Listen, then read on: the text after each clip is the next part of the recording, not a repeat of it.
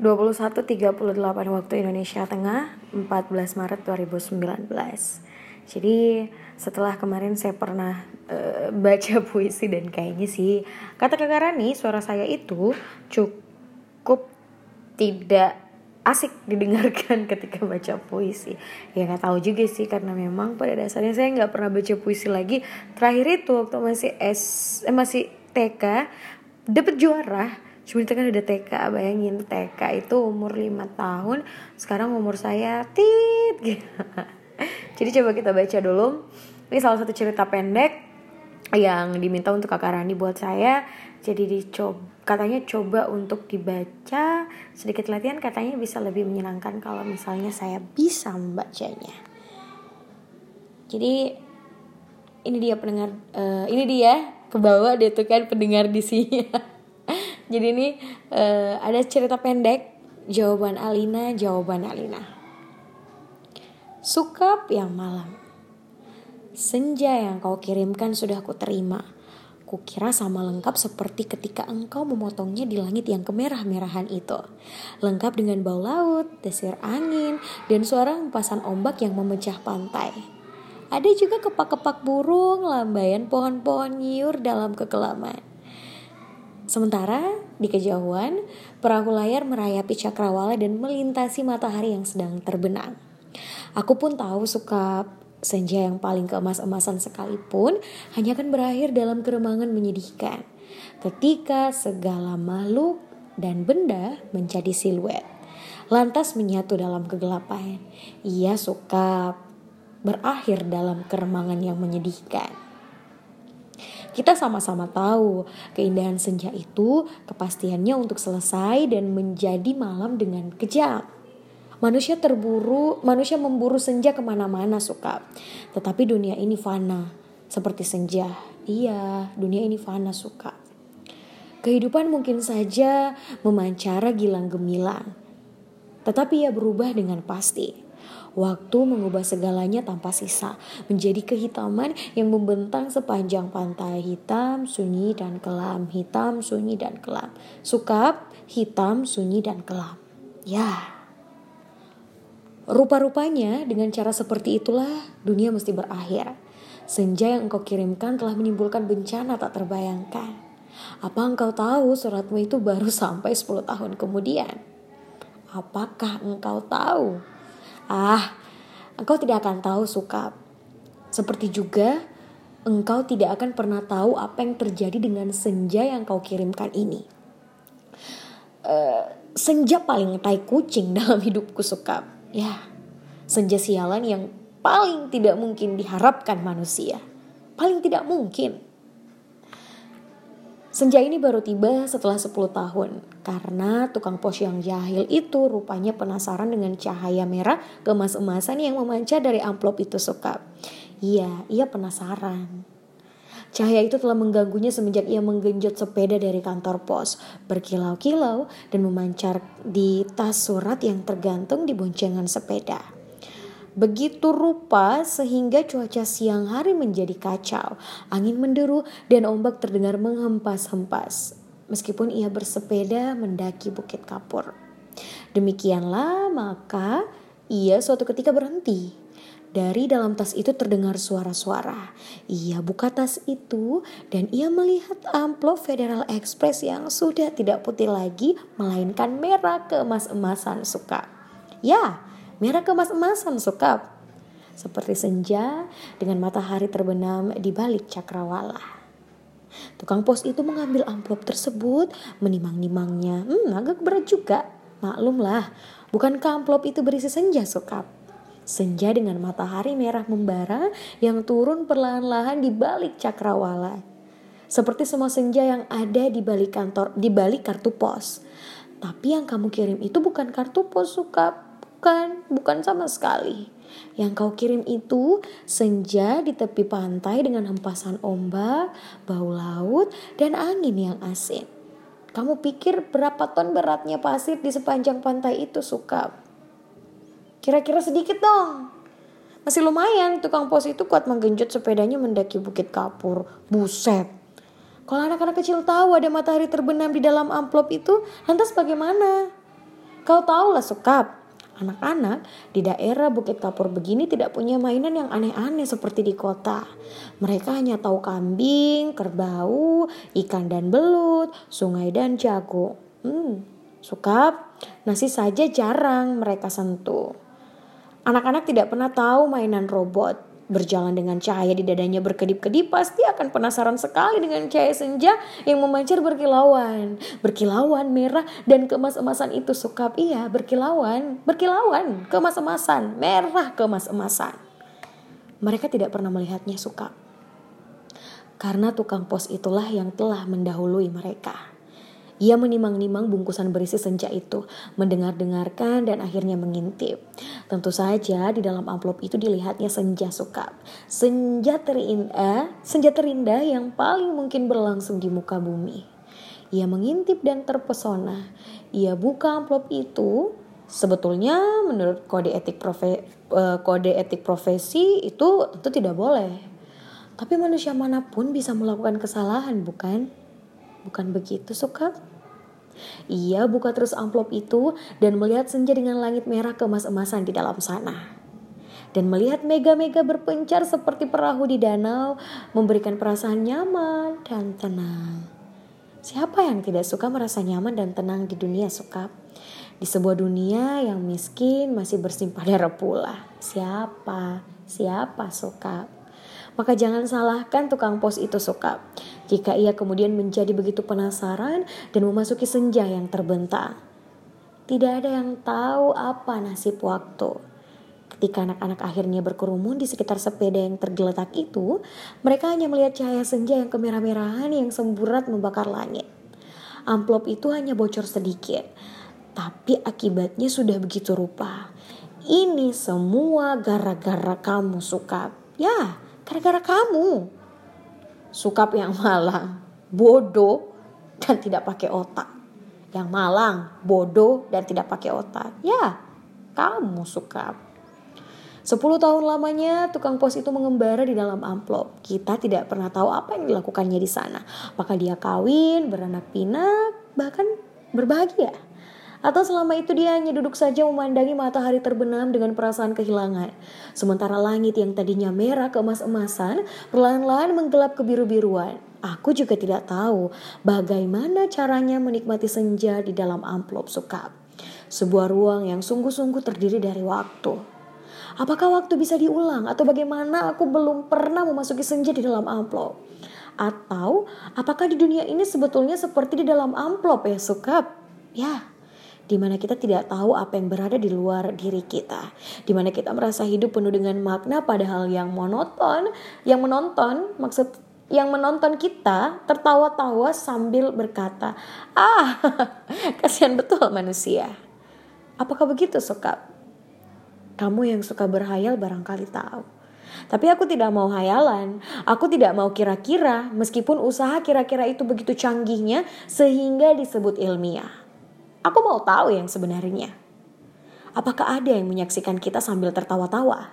Kalau iya, apalah artinya hidup kita ini suka apa?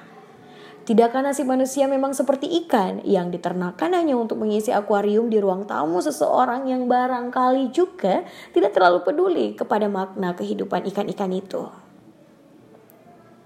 Aku tidak pernah tahu, tidak ada seorang pun yang tahu apa yang dialami tukang pos itu di dalam amplop. Sampai ia keluar 10 tahun kemudian dengan wajah bahagia. Ya, sudah 10 tahun menghilang di dalam amplop itu. Tapi ia tidak bertambah tua. Apakah waktu di dalam amplop tidak bergerak? Tepatnya apakah senja di dalam amplop tidak berhubungan dengan waktu? Apakah tidak ada waktu di dalam amplop Federal Express itu? Hmm, apakah aku harus peduli dengan semua ini Sukap? Apakah aku harus peduli? Apakah aku harus peduli? Apakah aku harus peduli? Kamu betul-betul merepotkan aku, suka merepotkan aku. Dasar lelaki tidak tahu diri. Suka yang malang, goblok dan menyebalkan. Ya, kau suka. Kamu tahu apa yang terjadi 10 tahun kemudian? Tukang pos itu tiba di depan rumah kami. Ya, rumah kami. Setelah 10 tahun banyak yang terjadi dong Sukap. Misalnya bahwa kemudian aku kawin, beranak pinak, dan berbahagia. Jangan kaget, Jangan kaget. Dari dulu aku juga tidak mencintai kamu, suka. Dasar bego. Dikasih isyarat, tidak mau mendengarkan. Sekali lagi, aku tidak mencintai kamu. Kalau toh aku kelihatan baik selama ini padamu, terus terang harus kukatakan sekarang sebetulnya aku cuma kasihan. Ya, kasihan. Terus terang aku kasihan sama kamu suka mencintai begitu rupa tapi tidak tahu yang kamu cintai sebetulnya tidak mencintai kamu. Tidak mencintai kamu sama sekali. Makanya jangan terlalu banyak berhayal suka pakai otak dikit dong. Hanya dengan begitu kamu akan selamat dari perasaan cintamu yang tolol itu. Tapi bukan cinta tai kucing ini yang sebetulnya ingin kuceritakan padamu suka. Soal cinta ini ya sama sekali tidak penting. Kamu harus tahu apa akibat perbuatanmu ini, Sukap. Mengirim sepotong senja untuk orang yang sama sekali tidak mencintai kamu. Tahu apa akibatnya? Tahu. Begitu tukang pos itu pulang, setelah menceritakan kenapa kiriman Federal Express bisa terlambat 10 tahun, ku buka amplop berisi senja itu dan terjadilah semua ini. Apa kamu tidak tahu, Suka? Senja itu meski cuma sepotong, sebetulnya juga semesta yang utuh. Kamu kira matahari terbenam itu besarnya seperti apa? Seperti apem. Kalau sepotong senja itu di dalam amplop terus ya tidak apa-apa. Tapi ini keluar dan lautnya membludak tak tertahankan lagi. Bagaimana aku tahu amplop itu berisi senja? Sukap, aku bukan penghayal seperti kamu. Hidupku penuh dengan perhitungan yang matang. Aku tahu betul untung rugi setiap perbuatan. Terutama apa untung ruginya untuk diriku sendiri. Betapa pentingnya hidupku selamat demi suamiku dan anak-anakku. Pura-puranya aku ini juga perempuan yang setia. Itu pula sebabnya sebelum maupun sesudah kawin aku tidak sudi berhubungan dengan kamu suka. Lagi pula aku tidak mencintai kamu. Mau apa? Tapi kamulah yang tidak tahu diri mengirim senja tanpa kira-kira. Dunia ini jadi berantakan, tahu? Berantakan dan hancur lebur tidak terkira. Setelah amplop itu kubuka dan senja itu keluar, matahari yang terbenam dari senja dalam amplop itu berbenturan dengan matahari yang sudah ada. Langit yang biru bercampur aduk dengan langit yang kemerah-merahan yang terus berkedap menyilau karena cahaya kemas-emasan yang menjadi sembura tak beraturan. Senja seperti potongan kue mengge, uh, menggelang, menggelegak, potongan kue menggelegak Pantai terhampar seperti permadani di atas bukit kapur. Lautnya terhempas langsung membanjiri bumi dan menghancurkan segala-galanya. Bisalah kau bayangkan suka, bagaimana orang tidak panik dengan gelombang raksasa yang tidak datang dari pantai tapi dari atas bukit. Ya, dari atas bukit. Air bah membanjiri bumi seperti zaman Nabi Nuh. Dunia menjadi gempar, tidak semua perahu yang ada cukup untuk seluruh umat manusia kan? Lagi pula sampai kapan kapal dan perahu itu bisa bertahan? Tiada satu kota pun yang selamat. Lautan dari senjamu yang membuat langit merah membara itu menghempas dan membanjiri bumi dengan cepat sekali. Gedung-gedung pencakar langit di setiap kota besar di seluruh dunia, gunung-gunung tertinggi di buka bumi, semuanya terendam air. Suka bumi ini sekarang sudah terendam air, bumi ini sekarang sudah terendam air, bumi ini sekarang sudah terendam air. Di mana-mana air dan langit senja tak kunjung berubah menjadi malam. Segalanya kacau sukap gara-gara cintamu yang tak tahu diri. Iya, ini gara-gara cintamu yang tak tahu diri. Sukap yang malang, paling malang dan akan selalu malang. Yang malang, paling malang dan akan selalu malang. Ya, itu kau sukap. Aku menulis surat ini dengan kertas dan pena terakhir di dunia. Di atas puncak Himalaya. Di depanku ada sebuah sampan kecil dengan sepasang dayung dan sebungkus, dan sebungkus super mie. Itulah makanan terakhir di muka bumi. Sisa manusia yang menjadi pengembara lautan di atas kapal dan perahu telah mati semua karena kehabisan bahan makanan. Maupun mayat teman-temannya sendiri. Manusia memang banyak akal, tapi menghadapi senja dari amplop itu tidak ada jalan keluar. Banyak orang mempertanyakan diriku kenapa aku membuat dirimu begitu cinta menggebu-gebu padahal cinta secuil pun juga tidak. Hingga kamu mengirimkan sepotong senja itu kepadaku dan tumpah ruah membanjiri bumi. Tapi coba katakan, tapi itu bukan salahku toh Sukab. Aku tak mau disalahkan atas bencana yang menimpa umat manusia. Mengapa cinta harus menjadi begitu penting sehingga kehidupan terganggu? ini bukan salahku. Air laut kelihatan makin dekat, setidaknya setengah jam lagi tempat aku menulis surat ini sudah akan terendam seluruhnya. Hmm, terendam seluruhnya. Aku akan naik perahu, mendayung sampai teler, makan super mie mentah, lantas menanti maut. Akan kukirim ke mana surat ini? Barangkali kamu pun sudah mati, Sukap. Semua pengembara di lautan sudah mati. Sedangkan di puncak tertinggi di dunia ini tinggal aku sendiri dari hari ke hari memandang senja yang selesai. Di mana matahari tidak pernah terbenam lebih dalam lagi. Semesta dalam amplop itu menjadi pemenang dalam benturan dua semesta. Namun semesta dalam amplop itu cuma sepotong saja. Sehingga dunia memang tidak akan pernah sama lagi. Kalau aku mati nanti, bumi ini akan tetap tinggal senja selama-lamanya. Dengan matahari terbenam separuh yang tidak pernah turun lagi. Langit merah selama-lamanya, lautan jingga selama-lamanya, tetapi tiada manus tidak tiada seorang pun manusia yang memandangnya. Segenap burung sudah punah sudah sudah punah karena kelelahan terbang tanpa henti. Tinggal ikan-ikan menjadi penguasa bumi. Di kejauhan, kulihat ikan paus merah yang menjerit dengan sedih.